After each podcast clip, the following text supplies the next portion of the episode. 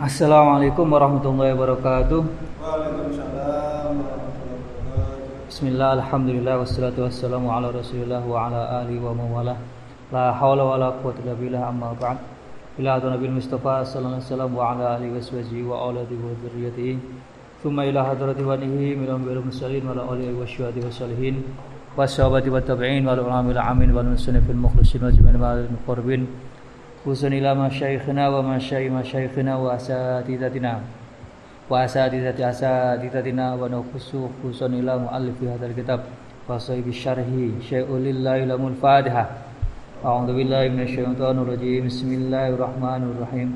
الحمد لله رب العالمين الرحمن الرحيم. مالك يوم الدين.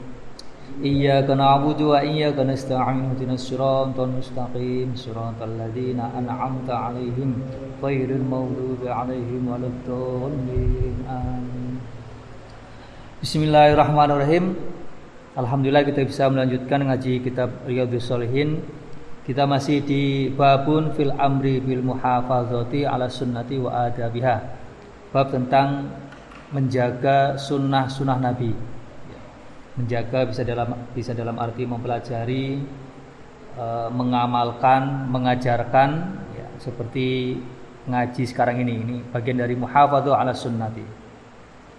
Kita akan melanjutkan hadisnya. Bismillahirrahmanirrahim. As-sabi'u utawi hadis kang nomor pitu kang kaping pitu. Anhu saking Abu Musa.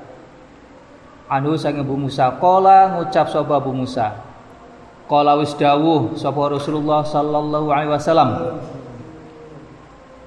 Inna masalama Mislama apa masalama di situ Mas? Mislama. Kalau misla itu berarti uh, sepadane, contoh. Ya. Kalau masal itu perumpamaan. Di kitab saya ini masal. Mas, ya bisa mislama atau masalama. Inna maslama atau inna masalama saat temene e, perumpamaan perumpamaane barang atau padanane barang. Bahasa kang wis mutus ni kelawan ingsun. Sapa Allah Gusti Allah bihi kelawan ma minahuda nyatane hidayah wal ilmi lan ilmu. Jadi hidayah dan ilmu yang dibawa oleh Nabi Muhammad yang disampaikan kepada Nabi Muhammad kepada kita umatnya iku kamasali ghaisin. Iku kamasali ghaisin kaya padanane udan. Ghaisin kaya padanane udan. Jadi bahasa Arab hujan itu bisa ghaisun bisa matorun. Mator atau ghaif nah di sini ini pakai ghaif bukan mator. Jadi ghaif itu seakar kata dengan ghaus. Ghausun itu artinya pertolongan, makanya istighosah gitu kan. Istighosa itu artinya memohon pertolongan. Nah, ghaif artinya hujan, ghaus pertolongan itu satu akar kata ya. Maka hujan ya enggak semuanya hujan ya, sebagian hujan itu ya e, sesuatu yang diharapkan ya. Karena apalagi di musim kemarau, orang-orang pasti akan berharap turunnya hujan ya. Apalagi yang punya tanaman, tanaman yang memang membutuhkan hujan ya. Maka hujan itu akan menjadi harapan, diharapkan uh, diharapkan bisa menolong keadaan ke keadaan kekeringan dan sebagainya. Maka itu bahasa Arabnya ghaus, ghaif ya, hujan karena sebagian hujan itu bisa atau diharapkan bisa menolong. Tapi juga enggak semuanya hujan diharapkan kan. Malah ketika mungkin hujannya sudah sering, sudah sering musim hujan, orang-orang berharap tidak lagi turun hujan ya karena banjir dan sebagainya gitu ya. Maka sebagian hujan itu bermanfaat, sebagian hujan itu pengen dihindari. Makanya kan doanya kan Allahumma soyiban nafi'an itu doa doa ketika turun hujan yang dari Nabi ya Allahumma soyiban nafi'an ya Allah eh, kami berharap hujan yang bermanfaat. Ya, hujan yang bermanfaat karena memang ada hujan yang yang membahayakan ya, yang bisa mendatangkan banjir dan sebagainya. Nah ini ghaif ya, kamathil ghaifin koyo padanane udan. Jadi hidayah yang dibawa oleh Nabi Muhammad atau Islam yang dibawa oleh Nabi Muhammad itu seperti hujan yang diharapkan turunnya oleh oleh orang, oleh manusia. Asoba kang nani opo ghaif udan ardon ing bumi. fakanat mongko ono fakanat mongko ono minha saking keadaan saking ardon itu ya fakanat mongko ono minha saking ardon opo to ifatun bagian toyibatun kang apik kang bagus jadi ada hujan yang turun di area yang subur area yang uh, area Tegalan misalkan, area uh, yang menjadi lahan uh, pertumbuhan. Lahan subur lah intinya, ya. bukan lahan tandus, bukan lahan kosong, ya. Jadi memang lahan yang memang jadi tanduran Tegalan, ya. Fakanat minha ta'ifatun taibatun. Ada hujan yang turun di area Tegalan misalkan, area yang subur. Qabilat kang nompo opo Taifah Taibah almaa ing banyu. Fan fan batat mongko nyukulake apa banyu. Apa Taibah itu ya, Taifah Taibah. Nah, karena kemudian diturun eh, apa di air hujan, air hujan numbuhake nyukulake alkalaa ing ing padang rumput. Ya. Jadi kala wal usba Nah, kala usba itu satu makna ya. Jadi padang rumput tegalan gitulah. Al kalaa tegalan, wal usba ya tegalan. Al kafiro kang akeh. Wakana lan ono. jadi itu yang pertama. Jadi uh, hujan ada yang jatuh di area yang subur. Jadi ketika hujan itu turun maka akan menumbuhkan tanaman-tanaman yang ada di area itu, ada yang di tanah itu. Tegalan Wakana lan ono yang berikutnya nih. Wakana lan ono minha saking uh, ardon. Wakana ono iku minha saking ardon opo aja dibu. Aja dibu uh, area kang gersang tandus. Kalau kala wal usbah tadi uh, area yang subur area tanaman. Kalau ini aja aja di aja dibu area yang tandus. Amsakat kang ngeker nahan opo ajadib? Almaa ing banyu nah kalau yang pertama tadi hujan yang turun di area yang subur kalau hujan itu turun maka e, tanaman-tanaman akan tumbuh yang kedua hujan yang turun di area yang gersang jadi walaupun situ sering hujan tapi nggak ada tanaman yang tumbuh itu maka minha aja dibu amsakat al-ma'a. Tapi area yang tandus ini nggak ada tanaman e, bisa menahan air. Bisa dimanfaatkan airnya. Nah, itu tadi ada ada area-area e, atau hujan turun di area yang pertama itu area yang subur, ya. area yang memang banyak tumbuhannya, banyak tanamannya, ya. Yang kedua area yang memang bukan area tanaman ya. Bukan tegalan ya. Nah, tapi area tersebut e, bisa menahan air. Artinya ketika hujan turun di situ orang-orang bisa memanfaatkan air hujan tersebut ya. Baik untuk pengairan, untuk disalurkan ke uh, area lain gitu ya. Pokoknya airnya bisa bisa dimanfaatkan walaupun di situ nggak ada tumbuhan gitu. Fanafa'a mongko fanafa'a mongko paring manfaat sapa Allah Gusti Allah biha kelawan ajadib annasa ing menungso Fasyaribu mongko podo ngombe sapa nas.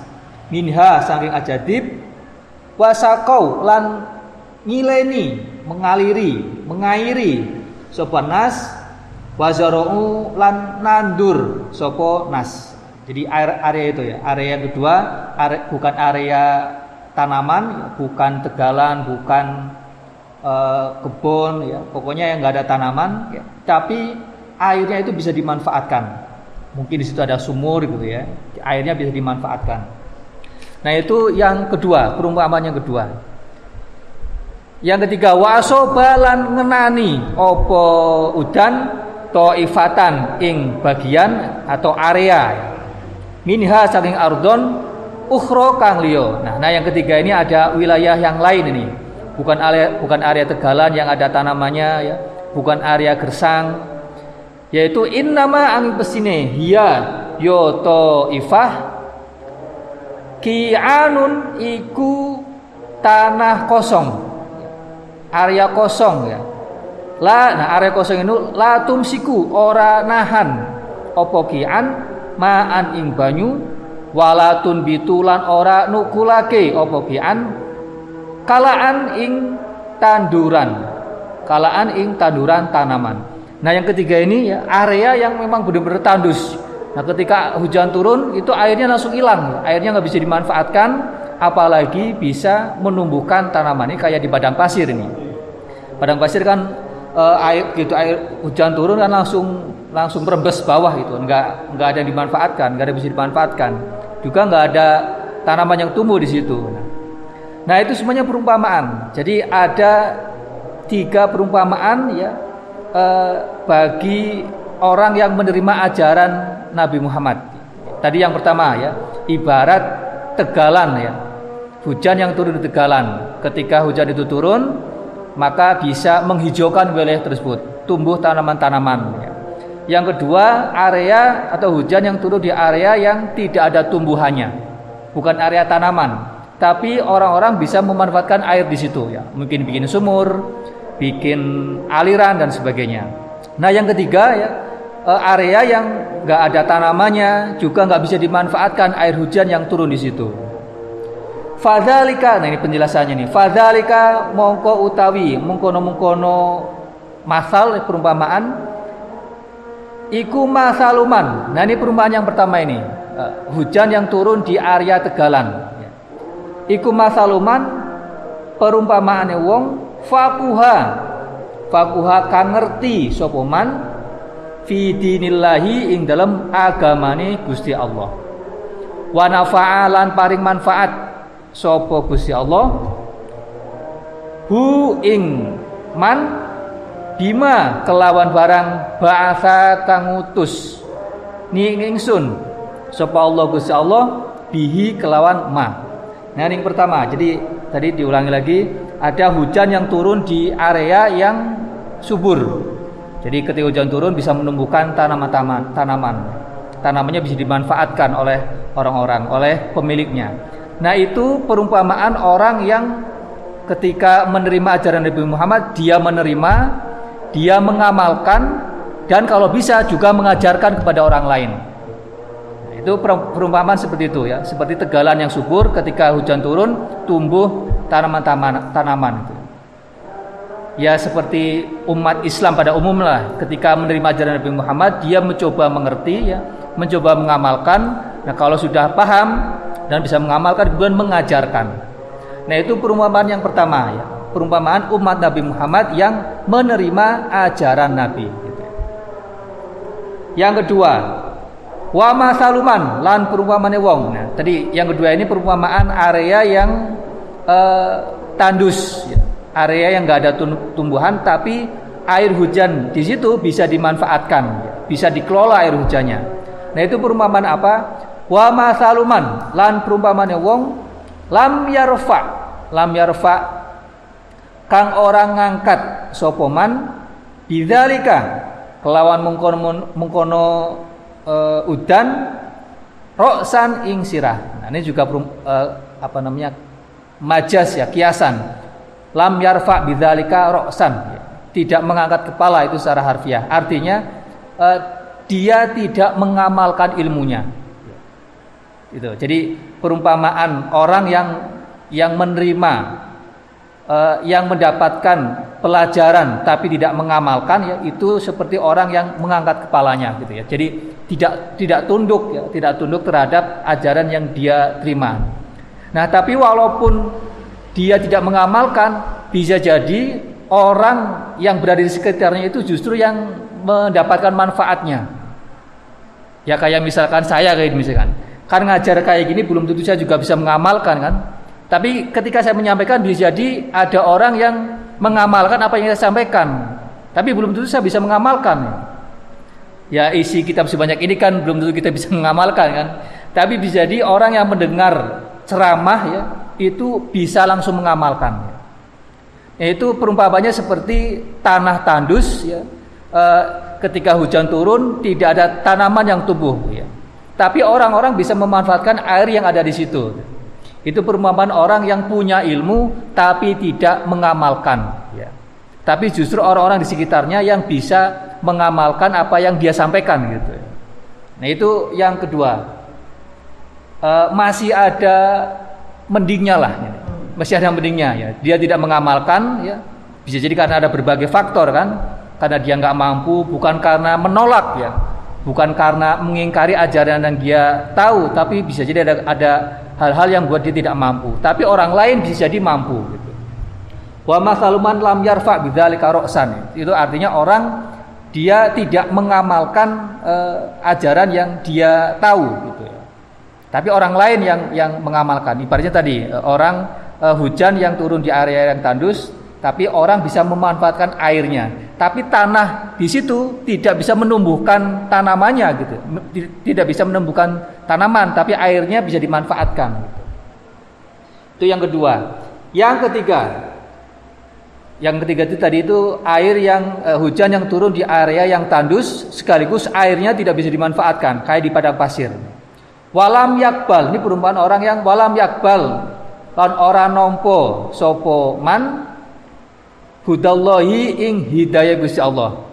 Alladzi kang ursiltu kang den utus sapa ingsun bihi kelawan alladzi. Nah, yang ketiga ini ya, orang uh, ini bukan cuma apa ya bisa jadi ini menolak ini ya kalau orang sudah menolak sudah pasti dia tidak bisa mengamalkan tidak akan mengamalkan apalagi mengajarkan Wong nerima saja tidak gitu ya sudah menolak dia. Kalau yang kedua ini nerima ya. Dia nerima ini ya. Nerima tapi nggak bisa mengamalkan karena suatu keadaan. Tapi yang ketiga ini nolak. Kalau orang sudah nolak sudah pasti dia tidak mengamalkan. Apalagi mengajarkan kepada orang lain.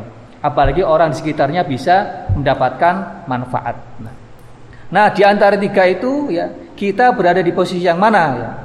Nah bisa jadi kita ketiga-tiganya masuk ketiga-tiganya bisa jadi salah satunya bisa jadi di satu ajaran kita e, orang yang pertama atau kedua atau ketiga. Jadi tergantung e, apa ilmu ya tergantung ajaran yang bisa kita lakukan ya. Jadi kita nggak nggak semuanya bisa melakukan uh, ajaran yang kita terima ya uh, ilmu-ilmu yang pernah kita pelajari. Bisa jadi kita cuma bisa mengamalkan sebagiannya gitu ya. Kalaupun kita tidak bisa mengamalkan semuanya, paling nggak kita masuk orang yang menerima ajaran gitu ya, bukan menolak. Kalau sudah menolak itu sudah parah itu ya. ya.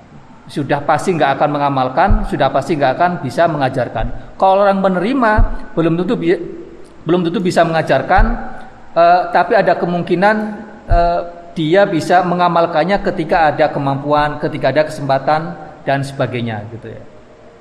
Nah, insya Allah kita bukan termasuk orang yang menolak nih ya. Kita mungkin bagian dari orang yang uh, menerima dan sebagian kita amalkan dan sebagian kita ajarkan. Ada yang kita terima dan belum bisa kita amalkan ya.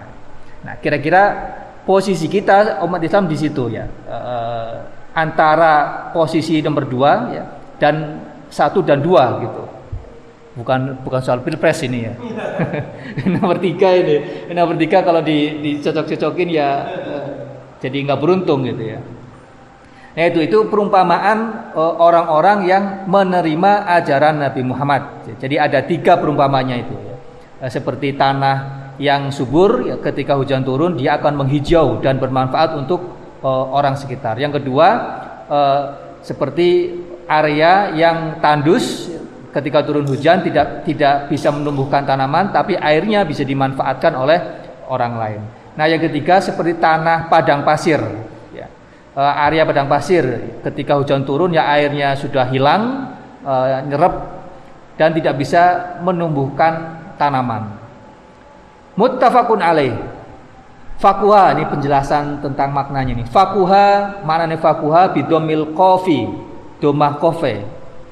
Ku faku alal masyuri ingatase pendapat kang masyur faku. Wakila bikasriha wakilalan dia ucapai bikasriha kelawan kasroe uh, kof fakiha ada fakuha ada fakiha. Ai maknane soro dadi sapa wong iku fakihan wong kang fakih wong kang ngerti ilmu syariat. Jadi bukan cuma fikih ya.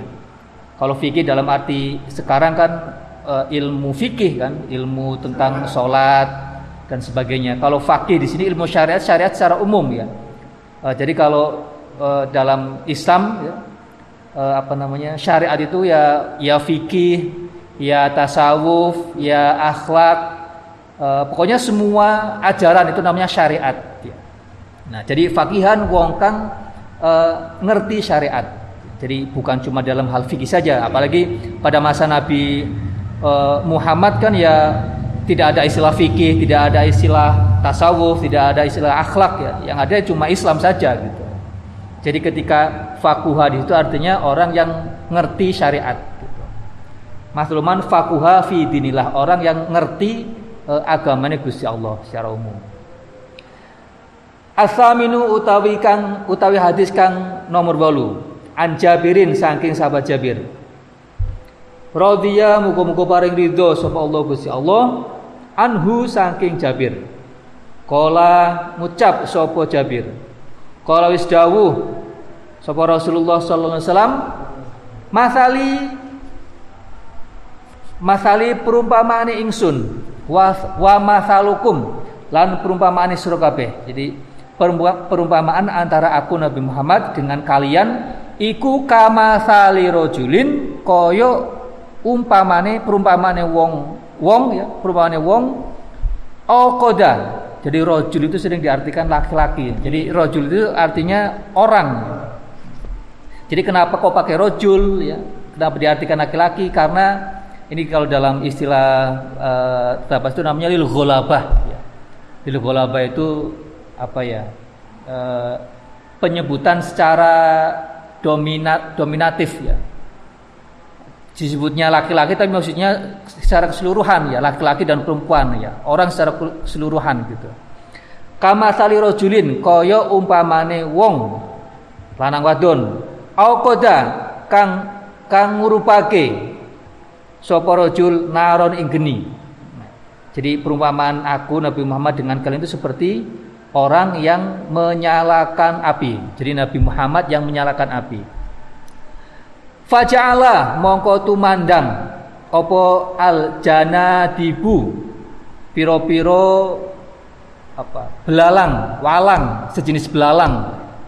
Nah belalang ini uh, umat Nabi Muhammad ini. Kalau nabi kalau nabinya itu ibarat umpama orang yang menyalakan api. Nah nah umat Nabi Muhammad ya, janadib fajala al janad fajala makutu mandang apa al janadibu piro-piro lalang wal faroshu ini kalau harfiah maknanya kupu atau ngengat ya.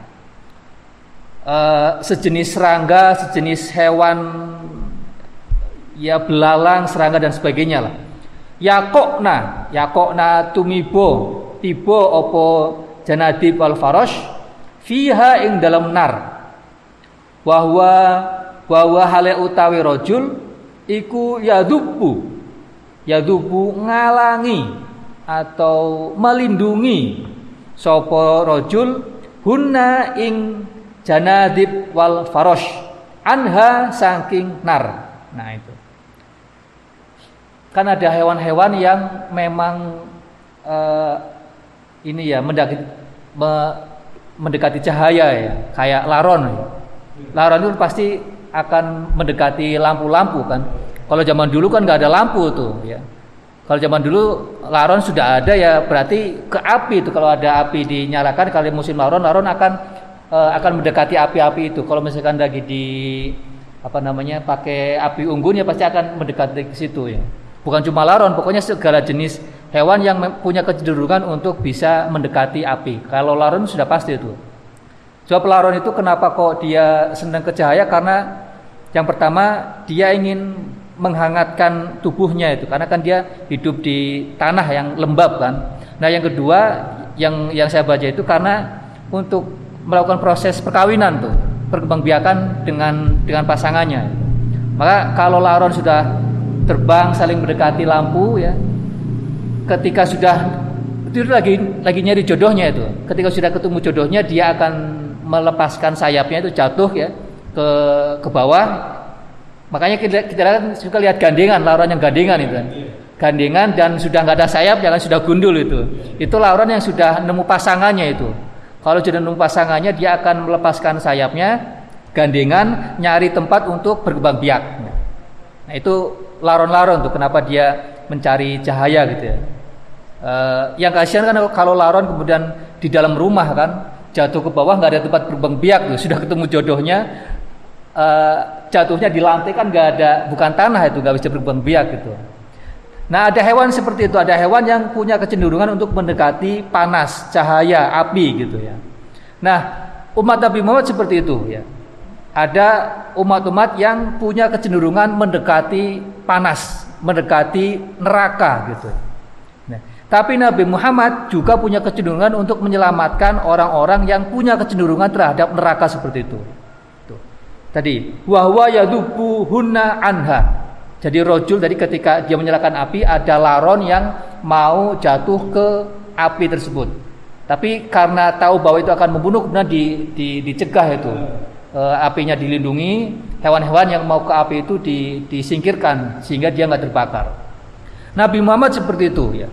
Nabi Muhammad akan menyelamatkan orang yang punya kecenderungan e, justru pengen masuk neraka itu seperti laron-laron yang pengen masuk ke api gitu. Nah itu perumpamaan antara Nabi Muhammad dengan umatnya. Ya. Nabi Muhammad seperti orang yang menghalau hewan-hewan yang pengen menjebur ke api. Ya. Nah, kita ini seperti laron-laron yang pengennya ke api gitu. Nah ini wa analan utawi ingsun iku akhidun wong kang nyekel. Akhidun wong kang nyekel bihu jazikum. Bihu jazikum kelawan apa? tali sarung. Tali, tali sarunge sira atau celana. Ya.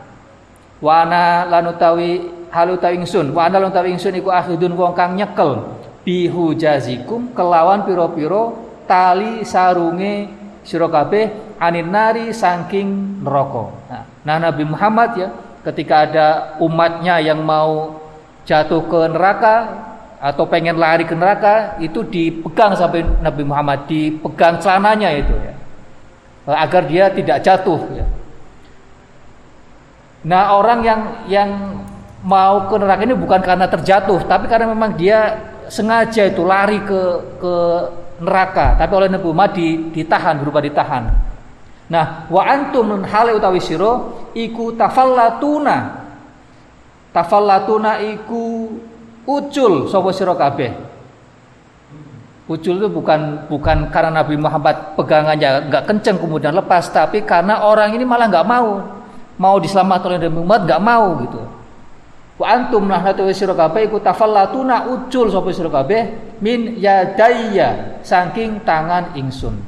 Min yadayya saking tangan ingsun. Jadi Nabi Muhammad sudah berupaya menyelamatkan kita ya tapi kita sendiri yang pengen jebur ke dalam neraka ya. Akhirnya ya sudah seperti laron yang nggak mau di dicegah jatuh ke dalam api. Akhirnya terbakar hangus sudah. Jadi Nabi Muhammad sudah menjalankan tugasnya itu ya. Sudah menjalankan kewajibannya ya untuk menyelamatkan umat ya. Tapi ternyata umat sendiri yang memang e, punya kecenderungan untuk jatuh ke dalam neraka gitu ya ini kan artinya bahwa manusia itu ya punya kehendak sebenarnya kehendak bebas terhadap dirinya sendiri gitu ya. Dia mau mengikuti ajaran yang dia terima atau tidak ya, dia punya kemampuan seperti itu ya. Sama seperti perumpamaan yang sebelumnya kan, eh, ada orang yang menerima ajaran tapi dia punya kemampuan untuk mengamalkan, ada juga yang punya kemampuan dan nggak dan punya kemauan ya, untuk e, mengabaikan seperti itu. Ya. Nah ini juga perumpamannya sama ya. Jadi Nabi Muhammad punya kehendak untuk menyelamatkan umat, Sementara umat sendiri ada yang punya kehendak tidak mau diselamatkan oleh Nabi Muhammad. Makanya wa antum tafat tafallatuna min yadaya kalian lepas dari uh, genggamanku upaya untuk menyelamatkanku. Rawais riwayatake ngati sapa muslimun imam muslim. Nah ini penjelasan artinya ini.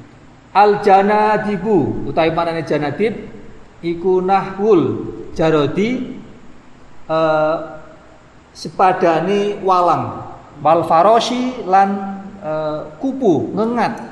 Jadi janatib itu jenis ya, nama jenis hewan eh, yang sejenis belalang.